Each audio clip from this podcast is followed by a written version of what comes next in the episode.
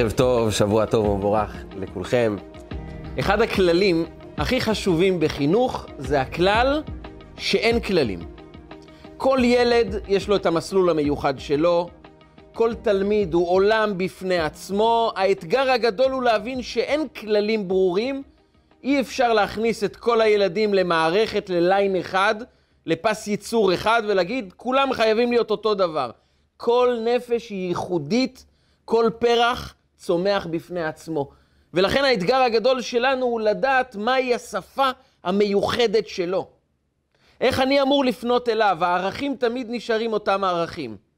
אבל הגישה, הצורה, השפה, כל ילד זה אתגר בפני עצמו. אז אין כללים, אבל יש יסוד. יש בסיס שעליו המשפחה צומחת, עליו ילדים יכולים לגדול בריאים, והם יוכלו לממש את הפוטנציאל המיוחד שלהם. ועל הבסיס הזה הייתי רוצה לדבר הערב. כי פרשת השבוע שלנו, פרשת אמור, היא אחד המקורות בתורה לחינוך ילדים. כך נאמר בפרשת השבוע. אמור אל הכהנים בני אהרון ואמרת עליהם. אם שמנו לב, יש פה פעמיים לומר. אמור אל הכהנים בני אהרון ואמרת עליהם. שואל התלמוד, אמור ואמרת, למה פעמיים? בשביל מה? ואז חכמינו נותנים את אחד המשפטים הגדולים והמפורסמים. כשאתה ניגש לחנך את הקטנים, תזכור, הגדולים באים להזהיר את הקטנים. או בלשונם של חכמינו, כפי שרש"י מביא את זה בתורה, להזהיר גדולים על הקטנים. להזהיר. עכשיו, זה מאוד מעניין לבחון את המשפט הזה. להזהיר זה מלשון אזהרה. עכשיו נכון, חלק מהחינוך שלנו את הילדים, אנחנו מחנכים אותם ומזהירים אותם, אל תתקרב למקומות כאלה, אל תעשה מעשים כאלה, אנחנו מזהירים אותך שעוד פעם אחת אתה עושה את זה, תקבל עונש. יש הרבה אזהרות. אבל זה הביטוי של חינוך? האזהרות שאנחנו מזהירים? זו שאלה ראשונה. שאלה שנייה, בעברית להזהיר זה לתת אזהרה. אבל יש עוד משמעות.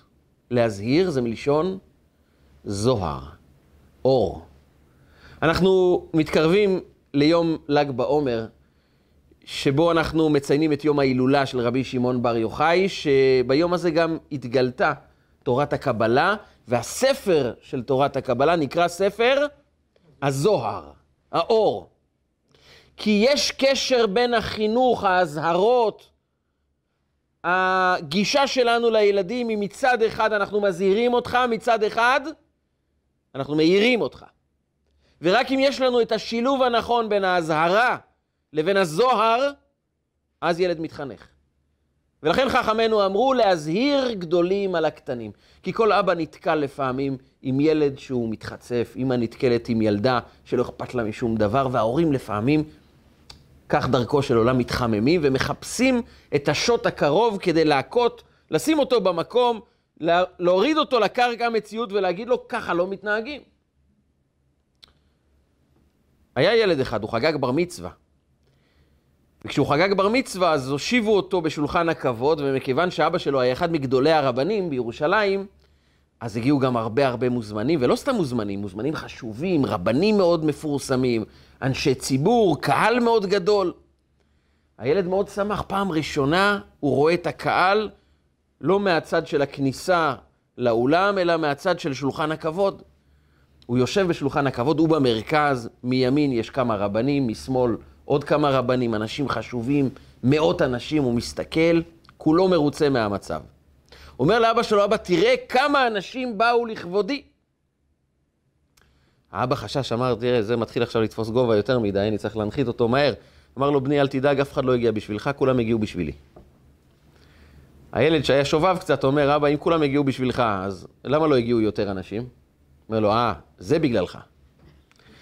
אנחנו מחפשים איך להנחית את הילד הכי מהר שרק אפשר. אל תתגאה לי פה, אל תצמח לי פה איזה אדם שמשקר.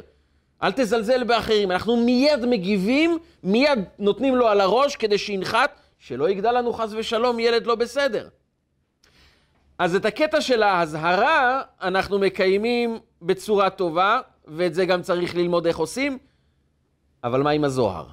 מהו בעצם האור שהוא הבסיס לאזהרה, שעל זה אומרים חכמינו להזהיר גדולים על הקטנים. כשאתה בא לחנך תמיד צריכים לדעת מהו השילוב הנכון בין האזהרה לבין הזוהר. וזו נקודה שלא נוגעת רק להורים וילדים, זה נוגע, ואולי בעיקר, גם לעצמנו. כי לחנך יכול מי שגם מחנך את עצמו. להעיר יכול אדם שיש לו אור, כי אם אין לנו אור, את מי נעיר? ולכן הכניסה לתוך העומק של בקשת חכמינו להזהיר גדולים על הקטנים, היא בעצם כניסה גם לתוך הנפש שלנו. ולכן, אולי אחד המקומות שאנחנו יכולים לבחון יחס אמיתי בין אבא לבן בתורה, וזו המלצה לכל סוגיה, לכל מחשבה או אתגר שיש לנו בחיים, בוא נמצא את אותו אתגר, את אותו רעיון בתורה. כי תורה נקראת תורה מלשון הוראה. יש כאן לא רק מערכת של פקודות, יש כאן מערכת של הוראות הפעלה. יש כאן הדרכה, הוראה איך לחשוב, איך להתבונן, איך להביט על המציאות, איך להסתכל על עצמנו, איך להסתכל על העולם, איך להתייחס לאתגרים שיש לנו בחיים. ולכן כאשר אנחנו רוצים לבחון טוב טוב, לעומק, איך הורים הם מתייחסים לילדים שלהם, איך הם יוצרים קשר שמצד אחד אתה צריך לעמוד בכללים, אתה צריך למלא אחר ההוראות, ומצד השני יש פה מלא אור. ואת זה אנחנו מוצאים בעבודת בית המקדש. עם ישראל והקדוש ברוך הוא זה אבא ובן. וכאן יש דבר מאוד מעניין. יום הכיפורים. יום הכיפורים זה היום הקדוש בשנה, זה היום שאנחנו מכפרים על כל העוונות. אנחנו כביכול חוזרים בחזרה לקודש הקודשים של החיים שלנו, חוזרים בחזרה להיות בקשר עם הקדוש ברוך הוא אמיתי, מבקשים מחילה על כל העבירות ומתנקים. וכאן יש דבר מאוד מעניין. כהן גדול זה הכהן החשוב ביותר, הקדוש ביותר, היחיד שמייצג את עם ישראל בקודש הקודשים. הוא נכנס למקום הקדוש ביותר פעם בשנה, ושם הוא מכפר על עם ישראל, כי ביום הזה יכפר עליכם, לטהר אתכם מכל חטאותיכם, לפני השם תטהרו. וכידוע, יש לכהן גדול שמונה בגדים. זה לא סתם בגדים, זה בגדים מפוארים מאוד. באותה תקופה של בית המקדש, גויים, היו גויים שביקשו להתגייר, כי הם חשבו שאם הם יתגיירו, אולי יהיה להם סיכוי להיות כהן גדול, והם ילבשו את הבגדי כהונה גדולה. אחרי שהתגיירו הבינו שאי אפשר, כי גם יהודי, בן של רבנים, לא יכול להחליט להיות כהן. אתה לא יכול להחליט להיות כהן. אבל זה היו הבגדים מפוארים, היה לזה שם בעולם כולו, והבגדים המפוארים האלה לכבוד ולתפארת היו בגדיו של הכהן הגדול, שאיתם הוא עבד בבית המקדש. הדבר המפתיע הוא שאת הבגדים האלה הוא לובש כשהוא בחוץ, בחלק הפתוח של בית המקדש. בבית המקדש יש את החלק הפתוח, שם מקריבים קורבנות, יש את המזבח, שם לוויים שרים, ויש את החלק הנסתר, איפה שנמצא קודש הקודשים. איפה שנמצאת המנורה, שולחן לחם, הפנ... לחם הפנים, זה מקום נסתר, זה מקום סגור. זה מקום שלא רואים מה מתרחש בפנים, והמקום הזה, הסגור, אליו נכנסים, כהן גדול נכנס אליו ביום הכיפורים עם בגדי לבן. מה זה בגדי לבן? בגדי לבן זה הבגדים הפשוטים של הכהן הפשוט. את הבגדים המפוארים, אומר הקדוש ברוך הוא לכהן, לכהן גדול, אתה תלבש בחוץ, בחוץ תלבש בגדים מפוארים. בפנים, פשוט לחלוטין. אתה תיכנס לקודש הקודשים עם הבגדים הלבנים, הכותונת, המכנסיים, האבנט, המצנפת, ארבעה בגדים פשוטים לחלוטין, כמו של כהן רגיל, עם זה תיכנס לקודש הקודשים. וכאן שואלים חכמינו, איך זה יכול להיות? את הבגדים המפוארים שלנו אנחנו לובשים באירועים מיוחדים. ביום-יום אנחנו לובשים את הבגדים הרגילים שלנו. יש איזה אירוע, אנחנו מתלבשים קצת יותר יפה, אירוע מיוחד, אדם בעצמו מתחתן, חתונה של הילדים, אדם משקיע בלבוש החיצוני שלו הרבה יותר. ביום הגיפורים זה בדיוק הפוך. כהן גדול עובד את העבודות הפשוטות בחוץ עם הבגדים הכי מפוארים. כשהוא נכנס למקום הקדוש ביותר, ביום הקדוש ביותר בשנה, הוא עוזב את כל הבגדים המפוארים ונכנס הכי פשוט שיכול להיות לקודש הקודשים. השאלה היא למה? למה כהן גדול לא יכול להיכנס עם הבגדים המפוארים? הרי הבגדים המפוארים הם לא נועדו, נועדו לפאר אותו, זה נועד לפאר את המעמד, את עבודת השם, את עבודת בית המקדש. זה נועד להראות שהמקום הזה הוא מקום ייחודי, חשוב, יש בו גילוי של קדושה אלוקית. אז במקום הזה, קודש הקודשים, אולי יותר מכל מקום אחר צריך להיכנס עם הבגדים הכי מפוארים, כדי לומר, זה המקום החשוב ביותר. ואלוקים אומר לו, כאן, בגדי לבן. יש הסבר שרובנו שמענו עליו, שהסיבה שכהן גדול לא נכנס בבגדי הזהב המפוארים שלו לקודש הקודשים, זה כדי לא להזכיר את חטא העגל. יש לנו איזה סיפור היסטורי מאוד מסובך. עשינו עגל מזהב במדבר, עם ישראל השתחווה לעגל מזהב, זה היה כמה ימים אחרי מתן תורה. זה חטא מאוד מאוד גדול, ולא רוצים להזכיר לקדוש ברוך הוא את החטא הזה כשנכנסים לקודש הקודשים. לכן לא שמים שום דבר מזהב, נכנסים הכי פשוט. שלא ייזכר לנו עכשיו באמצע יום הכיפורים בחטא העגל, אנחנו צריכים כפרה, אנחנו לא רוצים שהקדוש ברוך הוא יכעס. וכאן שואל, הילד, שואל הילד הקטן, רגע, ואם תיכנס עם בגדי לבן, הוא שכח מחטא העגל? זה בן אדם שאתה יכול אה, להזכיר לו, ואז הוא נזכר, ואם לא תזכיר לו, הוא שוכח? הרי כולנו מכירים את המשפט שאומר, אין שכחה לפני כיסא כבודיך. הקדוש ברוך הוא זה לא אדם ששוכח.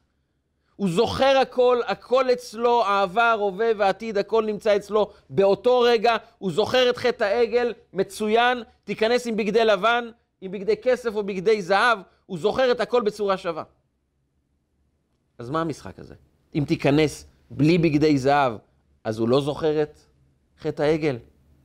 ואם הוא ביקש למחול על חטא העגל, אתה יכול להיכנס עם בגדי זהב, זה בסדר, הוא מוחל. הוא מבין שעכשיו אתה מנצל את הזהב לעבודת השם, לעבודת בית המקדש, ולא חלילה לעבודה זרה. אז מה הסיפור שלא רוצים להזכיר לו את בגדי הזהב, כדי שלא ייזכר בחטא העגל? התשובה היא, אומר הקדוש ברוך הוא, אם אתה מגיע לרמת תודעה של בגדי לבן, לא נשאר זכר לחטא העגל. כי יש לאדם שני רבדים בחיים שלו. יש את הרובד של בגדי הזהב ואת הרובד של בגדי לבן. ואדם צריך תמיד לזכור שיש לי חלק בחיים של בגדי זהב. אבל אני חייב להניח כבסיס בחיים שלי את הבגדי לבן. זה קודש הקודשים של החיים שלי. ורק אם יש לי בגדי לבן בקודש הקודשים, אני יכול לצאת וללבוש את בגדי הזהב. מה ההבדל בין שניהם? מה הם מייצגים? אז בשביל זה נבדוק סיפור מאוד מעניין שמסופר עליו בתלמוד, מסכת יומא, דף ל"ט.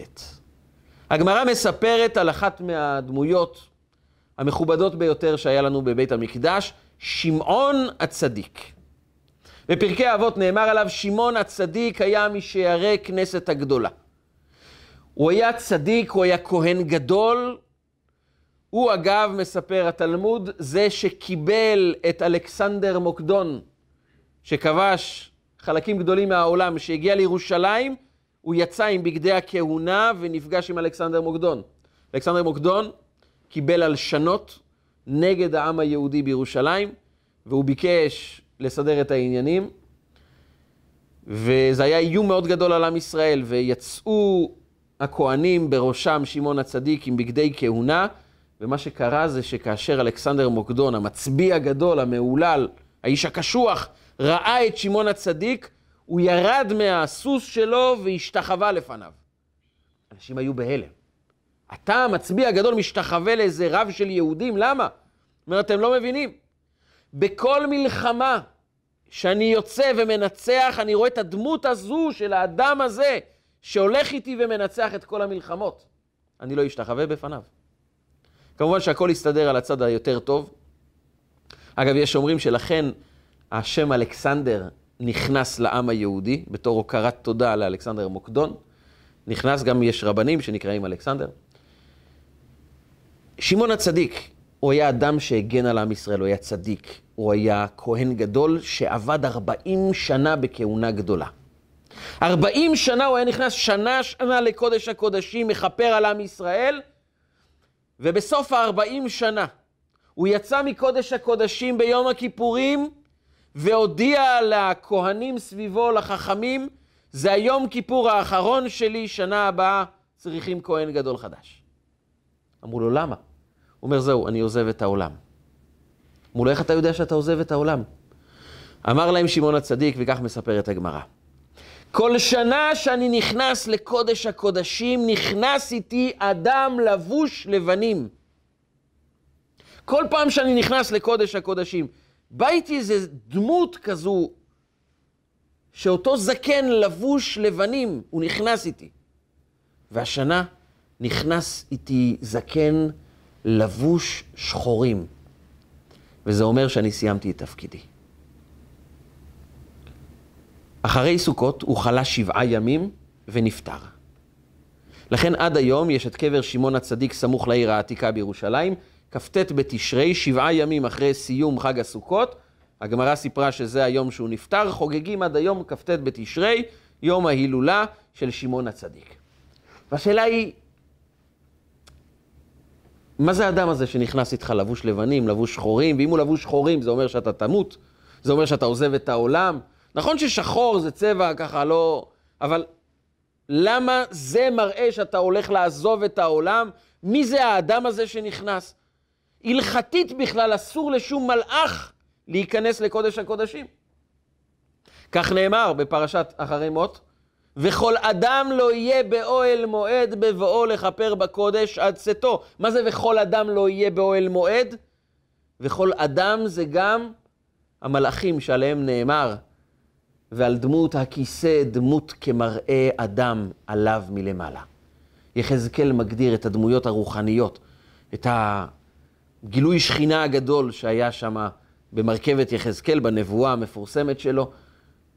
דמות הכיסא, ועל דמות הכיסא דמות כמראה אדם. גם המלאכים הגדולים, הנשגבים, הרוחניים ביותר, לא יכולים להיכנס לקודש הקודשים, למפגש בין הבן לבין האבא. אז מי היה אותו אדם זקן, לבוש לבנים, שאחר כך הגיע לבוש שחורים? התוספות, אחד מגדולי הראשונים, אומר, זה הייתה בעצם השכינה. אבל יש פירוש שאומר שאותו אדם שנכנס זה כמובן לא מלאך, כי אסור לשום מלאך להיכנס, אבל נכנס שמעון הצדיק עם הדמות של עם ישראל ברעיון שלו, במחשבה שלו. כי תחשבו איזה תפקיד לוקח על עצמו כהן גדול שנכנס לקודש הקודשים, והוא אומר, אני הולך לכפר על כל העוונות של עם ישראל במשך כל השנה. עכשיו, כשאתה קורא את התיקים של כל העוונות של עם ישראל, אדם אומר לעצמו, מה אני אלך לדבר טוב על העם הזה? כמה הם חטאו? כמה הם לא טובים? כמה עבירות? הם לא רציניים?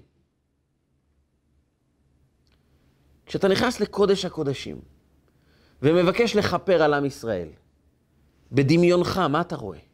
איזה עם אתה רואה? עם רשע, עם חוטא, עם לא טוב, עם לבוש שחורים או עם לבוש לבנים? אמר שמעון הצדיק, תמיד כשהייתי נכנס, הייתי מכפר עליהם, מבקש כפרה מהקדוש ברוך הוא עליהם, והייתי אומר לקדוש ברוך הוא, תראה אותם. לבושים לבנים. יש ביניכם, כך אומר הכהן גדול, הקדוש ברוך הוא, הרי אתה ועם ישראל, יש בכם אהבה של בגדי לבן, לא של בגדי זהב. מה ההבדל בין בגדי זהב לבגדי לבן? בגדי זהב זה תפקיד יומיומי שבשבילו הגענו לעולם. בגדי הזהב מייצגים בעצם את ההתקדמות האישית של כל אחד מאיתנו. אדם לומד יותר תורה, מחכים יותר, מקיים יותר מצוות, עובד על המידות שלו, מזכך את ההתנהגויות שלו. הופך להיות אדם יותר ידידותי, יותר חברותי, מוחל וסולח, מוריד את הגאווה, משפר את האישיות שלו, לומד יותר תורה ומקיים יותר מצוות, האדם הופך להיות אישיות של זהב.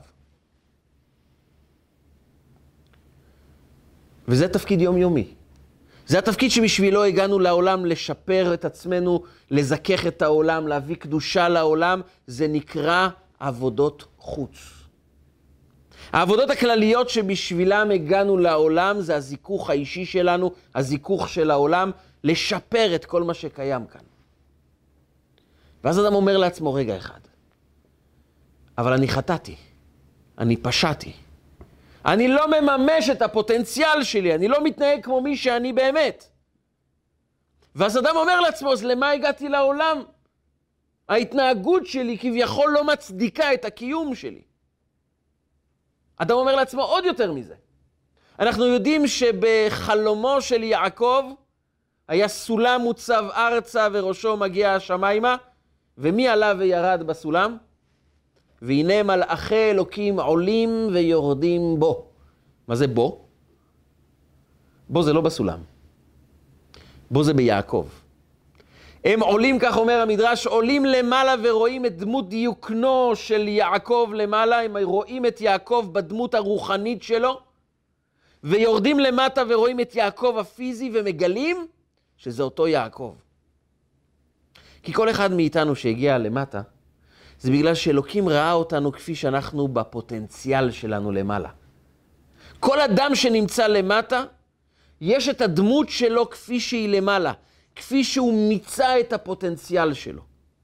כפי שהוא עובד בצורה המקסימלית להתקדם בחיים, להשתפר בחיים, להיות הכי טוב שרק אפשר. אלוקים רואה את הדמות כפי שאתה באמת יכול להיות. ויש את הדמות שלנו כפי שאנחנו למטה. ולפעמים אדם עולה למעלה ולא מזהה את עצמו. הוא רואה שמי שהוא כעת ומי שהוא באמת, אלו שני אנשים שונים. ויעקב עליו נאמר, והנה מלאכי אלוקים עולים ויורדים בו. הם רואים את יעקב למטה ואומרים, זה מימוש של הפוטנציאל במלואו. הוא בדיוק כמו שתכננו אותו למעלה. הוא בדיוק למטה כמו שציפו ממנו להיות למעלה. ואדם שואל את עצמו, ואני כזה? ואז אדם נופל לייאוש, נופל לשברון רוח, ואומר לעצמו, אז מי אני, מה חיי, מה אני עושה פה? בגדי הזהב שלי נפרמו, הם בגדים מלוכלכים, הזהב נשר מהם. איזה בגדים יש לי? ואז הקדוש ברוך הוא אומר, כי ביום הזה יכפר עליכם, לטהר אתכם מכל חטאותיכם, לפני השם תטהרו. אתם תגיעו לפנימיות של הקדוש ברוך הוא, ואתם יודעים מה רואים בפנימיות? בפנימיות רואים בגדי לבן. שם האהבה, הקשר, החיבור, הוא פשוט. גם אם לא הייתם טובים, אהבתי אתכם, אמר השם. גם אם אין לכם כישרונות, גם אם נכשלתם, גם אם הבגדי זהב שלכם התפרקו לגמרי, נפרמו לגמרי, אין זהב. אני אוהב אתכם, אתם יודעים למה? ככה. אשרי העם שככה לא. ככה. מה זה ככה? אבל יש סיבה, אתה אוהב אותי כי, כי אני עושה מצוות, כי אני לומד תורה, כי, כי אני אדם טוב, כי אני השתפרתי, כי עשיתי. זה בגדי זהב, זה בחוץ. זה חשוב. אבל בפנים, אני אוהב אותך כי אתה הבן שלי. זה הכל. לבן. אל תיכנס אליי לקודש הקודשים מבגדי זהב, אני לא אוהב אותך בגלל בגדי זהב. לבן, פשוט, בלי כסף, בלי נחושת, בלי משי, בלי זהב, פשוט, אני אוהב אותך כי אתה אהוב, נקודה. ואמר שמעון הצדיק, כל שנה הייתי נכנס עם הדמות הזו לבושה לבנים. הייתי רואה בעם ישראל את אותה נקודת אהבה, נכון, יש הרבה שחור מסביב, אבל זה רק מסביב. וביום הכיפורים, לפני השם תתארו. אתה נכנס לפנימיות. ויהודים חוו את יום הכיפורים כיום שהקדוש ברוך הוא אומר להם, הרי אני לא איזה מחנך עם מקל שאומר לכם תתנהגו יפה ולא תקבלו עונש. או התנהגתם לא יפה, עכשיו אני מעניש אתכם. אהבתי אתכם. תבינו כמה אני אוהב אתכם, ראו חיבתכם לפני המקום. לבן, פשוט. אין סיבה למה אני אוהב. אני אוהב כי אני אוהב אתכם. ומתוך האהבה הזו אני מבקש, שפרו מעשיכם, התנהגו יותר טוב. ואז יהודי גם שואב כוח.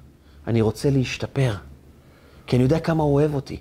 אני יודע שהאהבה לא תלויה בהאם הבאתי תעודה טובה או לא הבאתי תעודה טובה, האם המורה מרוצה ממני או לא מרוצה ממני, מה אומרים השכנים, מה אומרים החברים. אנחנו שמים את הכל בצד, יש פשוט אהבה נקייה, טהורה, בגדי לבן. ואז לבני ישראל יש ביטחון מוחלט בקשר בינם לבין הקדוש ברוך הוא, ומתוך הביטחון הזה הם הולכים ומכפרים על החטאים ומקבלים החלטה ללבוש בגדי זהב, להתחיל להתנהג כמו שצריך. אמר שמעון הצדיק, כל שנה הייתי רואה את בגדי הלבן. אבל בשנה שלא הצלחתי לראות את בגדי הלבן, אין לי רשות כבר להיכנס לקודש הקודשים של נפשם של עם ישראל. כי מי שיש לו רשות להיכנס עמוק בתוך נפשו של הילד ולומר לו, לא התנהגת טוב, אני מזהיר אותך, זה רק אותו אחד שרואה את בגדי הלבן. אותו אחד שמזהיר, זה אותו אחד שגם רואה את הזוהר. ואם הוא לא רואה את הזוהר, הוא לא יכול להזהיר. אם הילד שומע ביקורת, שומע את המוסר מאביו, והילד שואל את עצמו, האם הוא בכלל אוהב אותי?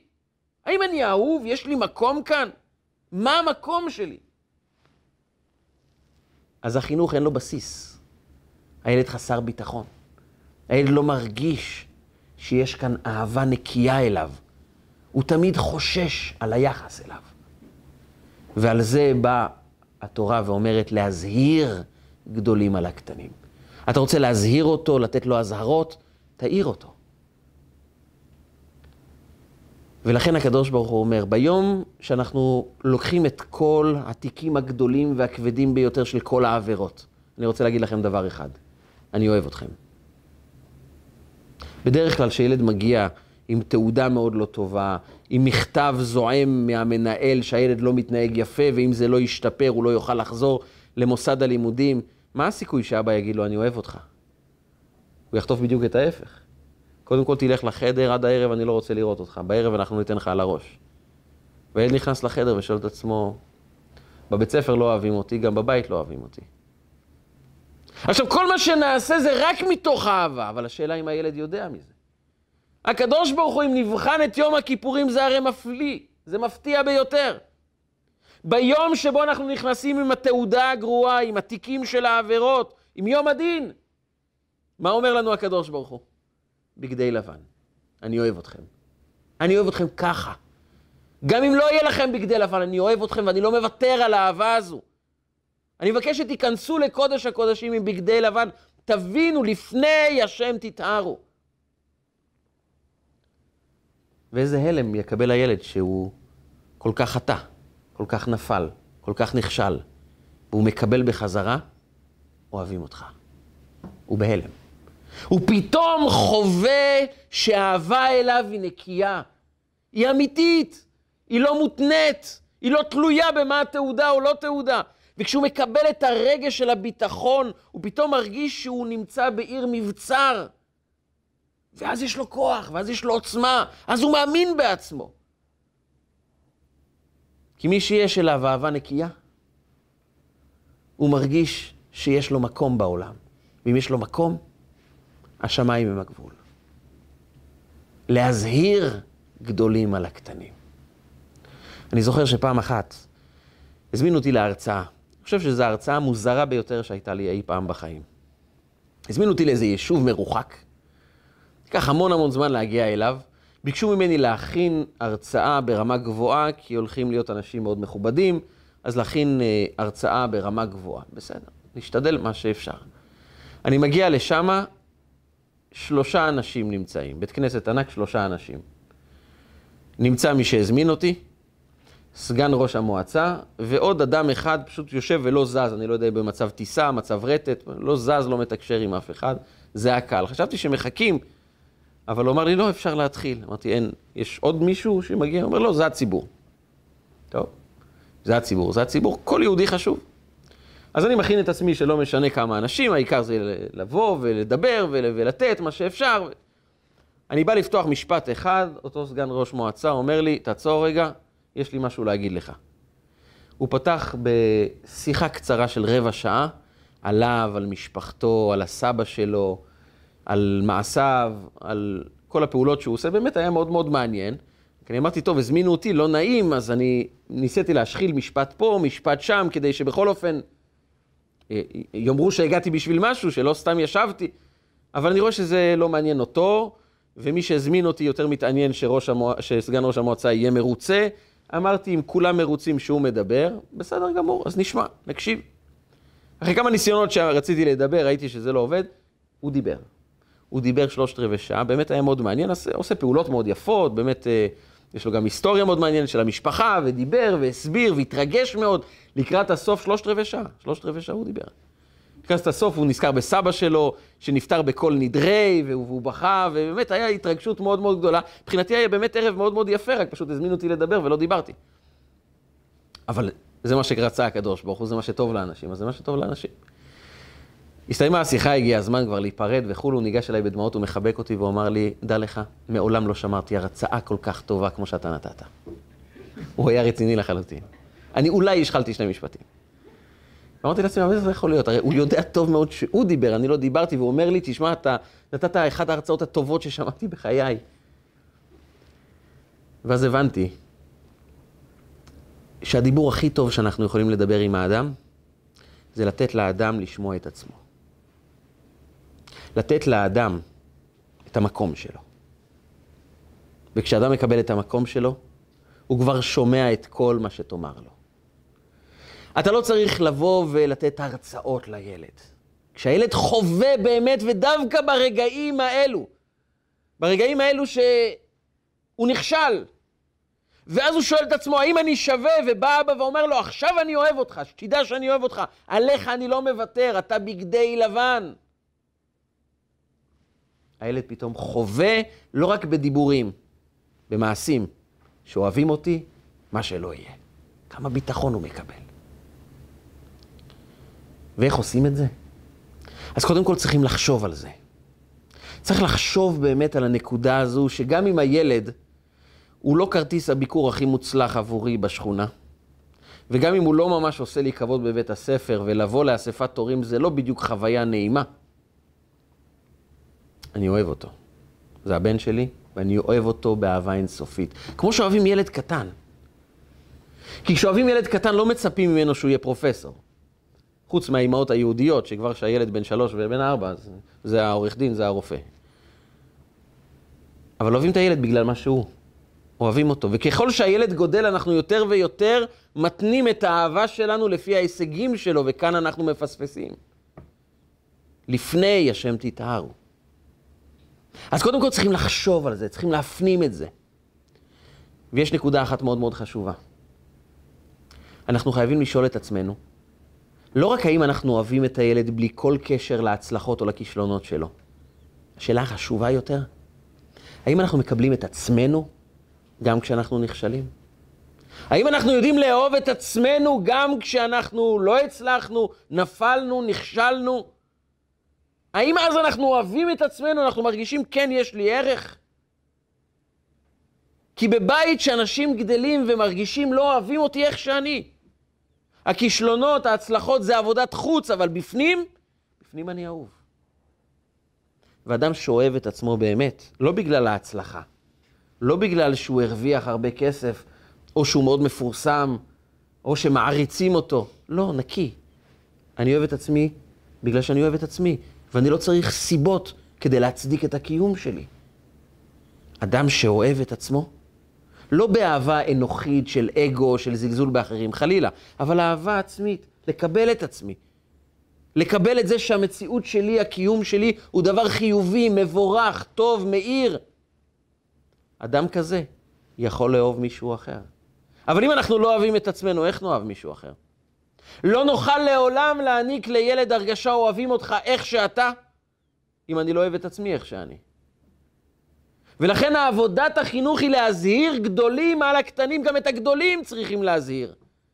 צריך שהגדול יבוא ויפנים בתוכו, גם אני יש בי אור, יש בי קיום שהוא טוב, ומתוך הראייה הזאת אני גם יכול להעניק אור למישהו אחר. כי מי שיש לו אהבה בפנים, יש לו ממה לחלוק, יש לו במה להשתמש כדי להעניק אהבה למישהו אחר. אתם יודעים, הרבה מחפשים את החצי השני. יש הרבה הרבה אנשים שמסתובבים ואומרים, לא מצאתי את החצי השני שלי. מחפש את החצי השני. אבל לפעמים צריכים לחפש את החצי הראשון. פשוט לא מצאנו חצי שני, כי גם את החצי הראשון לא בדיוק מצאנו. כי אם אדם לא מוצא את עצמו, לא אוהב את עצמו, לא מקבל את עצמו, איך יוכל לקבל מישהו אחר? אתה לא יכול להכניס לחיים שלך מישהו אחר אם לא הכנסת את עצמך לחיים שלך. אם אדם לא מקבל את עצמו, איך יקבל מישהו אחר? ולכן הכניסה לקודש הקודשים של כהן גדול היא בעצם בסיס בתודעה של כל אחד ואחד מאיתנו. לפני השם תיתרו בפנימיות, במקום הפנימי, לא צריך בגדי זהב, לא משנה מה השם שלך, מה התפקיד שלך. לא משנה כמה אנשים מעריצים אותך או בכלל לא מסתכלים עליך, אתה אהוב בפני עצמך, בגדי לבן. כל התפיסה הזאת שערך של אדם תלוי במה אנשים חושבים, או מה המעמד שלו, או מה הכותרת של המקצוע שלו, זה בעצם לומר, הבחוץ קובע עבורי, ואין לי קודש קודשים. כי קודש הקודשים זה אדם מעריך את עצמו, אוהב את עצמו בזכות מי שהוא. ואז הוא יכול להעניק את זה גם לילד. והדבר המעניין הוא שככל שאנחנו אוהבים את עצמנו, מקבלים את עצמנו, מקבלים את הילדים, ללא קשר להישגים שלהם, הם מצליחים עוד יותר, כי יש להם ביטחון. ההישגים שלהם גדלים. הם מוכנים לקבל ריזיקות, סיכונים בחיים, כי זה לעולם לא יסכן את המקום האמיתי שלי. אין לו בעיה לנסות פרויקט חדש, לנסות לענות על שאלה, להיכנס למבחנים שאולי הוא יצליח או לא יצליח, להיכנס לתחרויות, כי לא משנה. המקום שלו בבית יישאר אותו דבר, גם אם הוא יקבל מקום ראשון וגם אם הוא יצא מקום אחרון. אותו דבר. אז זה צריך להיות במחשבה, בתפיסה שלנו את עצמנו, בדיבורים שלנו. הדיבורים הם צריכים להיות דיבורים לא רק שכל הכבוד שהצלחת בבית הספר, כל הכבוד שהבאת תעודה טובה. נכון, העידוד הוא חלק חשוב. אבל מתי אנחנו מדברים? כשאנחנו פשוט אוהבים את הילד. כשאנחנו נותנים מתנה, אז יש לפעמים מתנה בתור עידוד על הצלחה, על uh, השקעה בלימודים, אבל סתם מתנה שבאה לומר לילד, קבל מתנה. הוא אומר לה, על מה? אין לי יום הולדת. נכון, אבל אנחנו אוהבים אותך. מה, סתם? סתם, אוהבים אותך. עכשיו רגע, מה זה עושה לילד? פתאום מבין שאוהבים אותו פשוט כי אוהבים אותו. וזה חלק חשוב, זה הבסיס של להזהיר גדולים על הקטנים. וזה הסיפור גם העמוק, עומק הסיפור של המפגש בין יהודה לבין יוסף הצדיק. יהודה מגיע ברגע קריטי עבור המשפחה, בנימין, הנער הקטן, שיעקב לא רצה לשלוח אותו למצרים, הוא פחד עליו. הוא אמר להם, אני פוחד שיהיה לו אסון, ויהודה אמר, אני לוקח אחריות. ובנימין נתפס על גניבה, לא סתם גניבה, גניבה של אחד המוצגים החשובים ביותר עבור הממלכה המצרית. זה עונש שיושבים עליו לכל החיים בכלא, במקרה הטוב. הגביע של יוסף. הגביע שאיתו הוא מנחש, איתו הוא מנהיג את העולם, לפחות כך הוא הראה בצורה חיצונית. והגביע הזה נגנב, ומצאו את זה בתיק של בנימין, אומר להם יוסף, אין ברירה, הוא עבר על החוק. הוא גנב את אחד הדברים היקרים ביותר בשבילנו. הוא יהיה פה עבד לכל חייו. ויהודה ניגש ואומר לו, אל תעשה את זה, אנחנו לא יכולים. הבטחתי לאבא שלי להעלות אותו בחזרה. ואז יהודה בפרץ של רגשות אומר לו, כי איך אעלה לאבי והנער איננו איתנו, ונפשו קשורה בנפשו. איך תעשה את זה לאבא שלי? הנפש שלהם, הנפשות שלהם קשורות. שם יוסף נשבר, שם הוא מתגלה לאחים שלו. ונפשו קשורה בנפשו. שימו לב, יש פה את אחד המילים הנדירות בתנ"ך.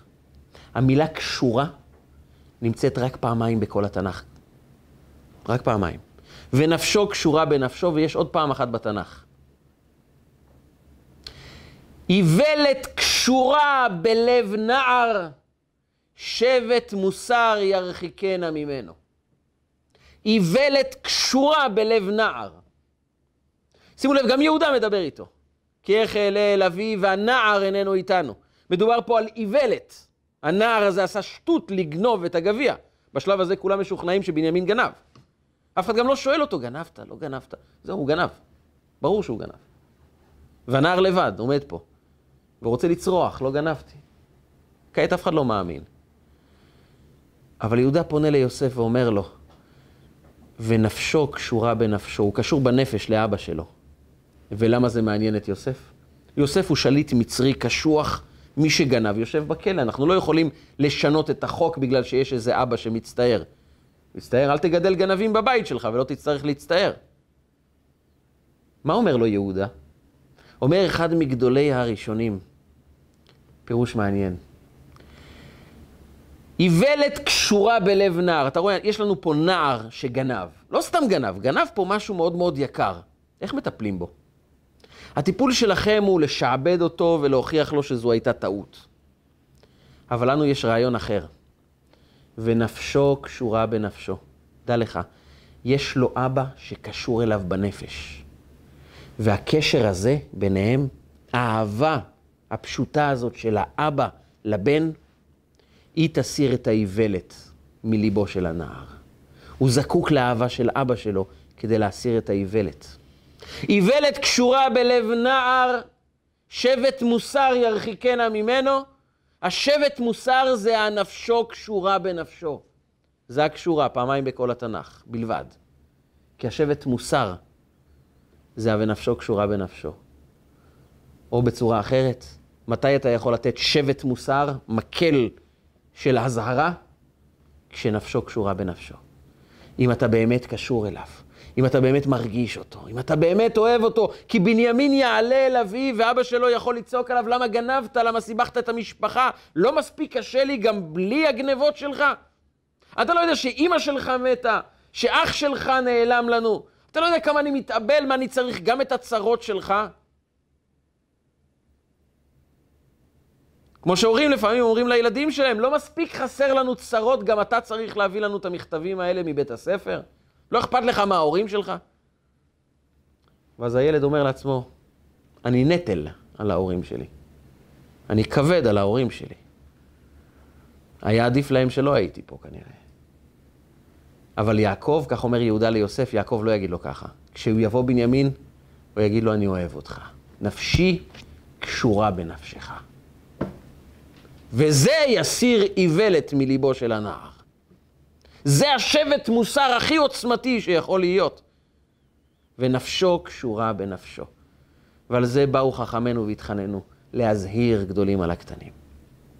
כשאדם נותן את הזוהר, כשאדם נותן את האור, כשאדם מסתכל עמוק בתוך הנפש ואומר לו, אני רוצה קודם כל שתדע, בגדי לבן, אוהבים אותך כפי שאתה, אתה אהוב. אחר כך ניתן גם שבט מוסר, אבל זה חייב לצמוח על בסיס של אהבה פשוטה. אז האיוולת קשורה בלב נער, שבט מוסר ירחיקנה ממנו. ילד חייב לחוות שהוא לא נטל על ההורים שלו. אתם יודעים את המשפטים האלה, לכו כבר לישון, נמאס מכם, שיגעתם אותנו, פנו את הסלון, לכו לישון, אל תעשו כלום, פשוט תתרחקו מפה. לכו כבר, לכו. טוב, ביום הראשון של הלימודים, אחרי חופש הגדול, כל ההורים דואגים להגיד לילדים שלהם, כמה טוב משרד החינוך, כמה טוב שהקימו בתי ספר. רק תלכו, נתחיל לנשום אוויר צח. ישבתם עלינו חודשיים, הרגתם אותנו. טוב, זה נראה לנו בדיחות, אבל מה בעומק באמת ילדים חושבים? אוהבים אותנו? תראה איזה שמחה להורים שהילד פשוט הולך. ואז האמא מתיישבת ואומרת, איזה שקט, איזה שמחה. כמה טוב שהילדים הלכו. אז נכון, יש בזה הרבה מאמץ בגידול הילדים, יש בזה הרבה כבדות. אנחנו יכולים לשנות רגע את צורת הדיבור שלנו? נוכל לומר, ילדים, באמת היינו שמחים שהייתם נשארים איתנו עוד קצת, אנחנו כל כך אוהבים אתכם, אבל הגיע הזמן ללכת לישון. אנחנו חייבים להקרין להם שהם עול והם מכבידים, ויש לנו חשק שהם רק יעופו, ילכו לישון ויעלמו לנו מהעיניים. או שאנחנו יכולים לשנות גם את הדיבור. שינוי פנימי הוא גם מתחיל בדיבור, בצורת הדיבור שלנו. נכון, אתה יקר לי, אתה חשוב לי. אני זקוק לקצת אה, זמן עבורי, עבור עצמי. אני מאוד מאוד רוצה לשבת, לדבר איתך, איתך. עכשיו קצת קשה לי, מחר אנחנו נקבע לעצמנו זמן שנוכל לדבר ולהמשיך לשוחח. לילה טוב, אוהב אתכם. צורת שינוי הדיבור ושינוי המחשבה, כל כולה נועדה כדי להטמיע, להטמיע בתוך נפשו של הילד, תדע לך שאתה אהוב, לא משנה מה יקרה. והביטחון הזה יכול להצמיח את הילד. נסיים ברשותכם בסיפור שסיפר אחד מניצולי השואה בארצות הברית, שבתור ילד בן 14, הוא נשלח בידי אמו האלמנה מהעיירה הקטנה שבה הם חיו, אל הישיבה של רבי שמעון שקופ, אחד מגדולי ראשי הישיבות באותה תקופה. לא היו אוטובוסים כמו שיש היום, רכבות למי שיש כסף, ולמי שאין הולך הרבה ברגל, ואם מוצא טרמפים על עגלה וסוס, יתמזל מזלו. אוכל לשבועיים אתה לא יכול לסחוב, אז אימא שלו ציידה אותו בכמה כריכים, ואמרה לו, כשנגמר לך תבקש תרומות מאנשים, תבקש מאנשים שיקחו אותך עד שתגיע לישיבה, ותיבחן שם כדי להתקבל לישיבה הגדולה והמכובדת הזאת. זה יעשה לי הרבה שמחה. והילד מבין שזה מה שמשמח את האימא, הוא גם רוצה להתקבל לישיבה הגדולה הזאת. הוא שינן לעצמו את הסוגיה, את החומר שעליו הוא הולך להיבחן, כל הדרך. נגמר לו אוכל, ביקש מאנשים קצת אוכל, ישן על ספסלים, סחבו אותו בעגלות שם מאחורה עם חביות. הוא נדד במשך שבועיים עד שהוא הצליח להגיע שבור, עייף, רעב, צמא, לעיירה, לישיבה. הוא בירר איפה הבית של הראש ישיבה, אמרו לו שמה זה הבית, הוא נכנס, דפק בדלת ואמר, אנחנו שלחנו את המבחן, אני רוצה להתקבל, האם כבוד הרב יכול לבחון אותי? אומר לו, בשמחה, עכשיו? אומר לו, כן, עכשיו. הלב של הילד, הוא אומר, הוא סיפר, דפק בלי הפסקה. אני אצליח, לא יצליח. אני אחזור בבושת פנים הביתה, ואמא תראה אותי שלא התקבלתי, מה אני אגיד לה? אני אעבור את המבחן, לא יעבור. הרגיש שכל החיים שלו נמצאים על כף מאזניים. הוא התיישב בשולחן, הוא מספר, הלב שלי דפק בצורה מהירה מאוד. ואז הרב עם הזקן הלבן מסתכל עליי ושואל אותי, יש לי שתי שאלות אליך. שאלה ראשונה, מתי בפעם האחרונה אכלת ארוחה חמה? הוא היה בהלם. הוא היה בטוח שהולכים לדבר איתו על הסוגיה בגמרא. אז בתדהמה הוא אומר לו, לפני יותר משבועיים. הוא אומר לו, בוא איתי למטבח. תקשיב, הרבנית שלי לא נמצאת פה, ואני לבשל זה לא ממש המקצוע. מה שאני יודע נעשה ביחד. חימם מים, זרק ירקות, בישל מרק, לחם, הושיב אותו ונתן לו לאכול. הוא גמר לאכול, הוא נרגע, שבע, הרגיש טוב, נעים. אומר לו, עכשיו אתה מוכן למבחן? אומר לו, עכשיו הרבה יותר טוב. אומר, שאלה אחת. תגיד לי בבקשה, מתי בפעם האחרונה ישנת על מיטה נורמלית? לא יודע, לפני יותר משבועיים. הוא אומר, תגיד קריאת שמע ובוא לישון. הוא נתן לו את המיטה האישית שלו לישון. והוא אומר, אחרי שבועיים של נידודים, פשוט צללתי למיטה, נרדמתי עם הניגון של לימוד הגמרא של הראש ישיבה בסלון. נרדמתי. למחרת נבחנתי, התקבלתי, נכנסתי לישיבה, אבל אחרי כמה חודשים פרצה מלחמת העולם השנייה. כל העולם היהודי נכנס למדורת אש אחת גדולה. עברתי את כל שבעת מדורי גיהנום במחנות, אבל יש משהו אחד ששמר עליי ונתן לי תקווה, חוסן, כוח, לשרוד את כל הסבל. זה שתי השאלות של הראש ישיבה. מתי אכלת פעם האחרונה ארוחה חמה? מתי ישנת על מיטה נורמלית? אמרתי, מישהו אוהב אותי. אני אהוב בעולם.